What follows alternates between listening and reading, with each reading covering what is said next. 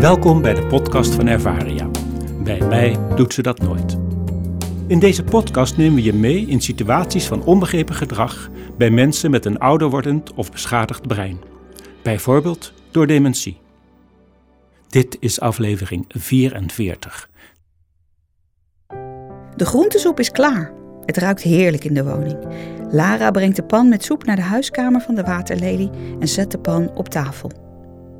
Na het inschenken van de kommen is het mevrouw Draaier die als eerste begint met eten. Alleen ze begint met een vork.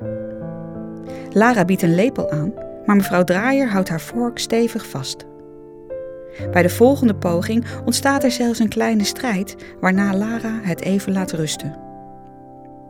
Maar het zit haar niet lekker. Hoe kan dit nou? Gisteren toen Tim de tafel dekte, ging het eten nog zonder problemen.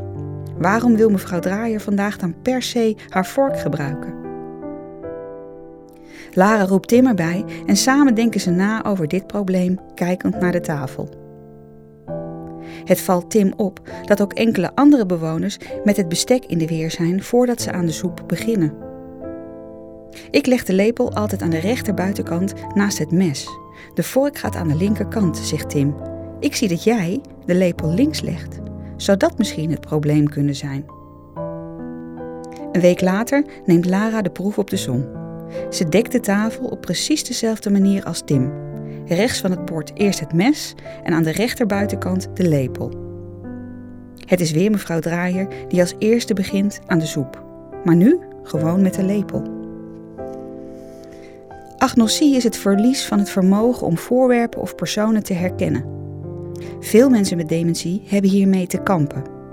Het is dan extra belangrijk om aansluiting te zoeken bij de routines. Mevrouw Draaier verwacht de lepel rechts aan de buitenkant van het bord, aangezien de lepel daar bij haar thuis altijd lag. Legt iemand daar de vork neer waar mevrouw Draaier de lepel verwacht, dan kan het zomaar misgaan. Het is aan ons om onze eigen tafeldekroutines los te laten en aan te sluiten bij wat de bewoners nodig hebben. Een kleine moeite met een groot resultaat. Stel de routine van de bewoner altijd boven je eigen routine.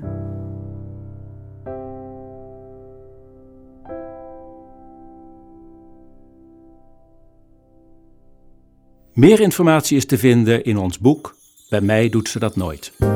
Je kunt ook de website www.ervaria.nl bezoeken of mailen naar info.ervaria.nl. Bedankt voor het luisteren.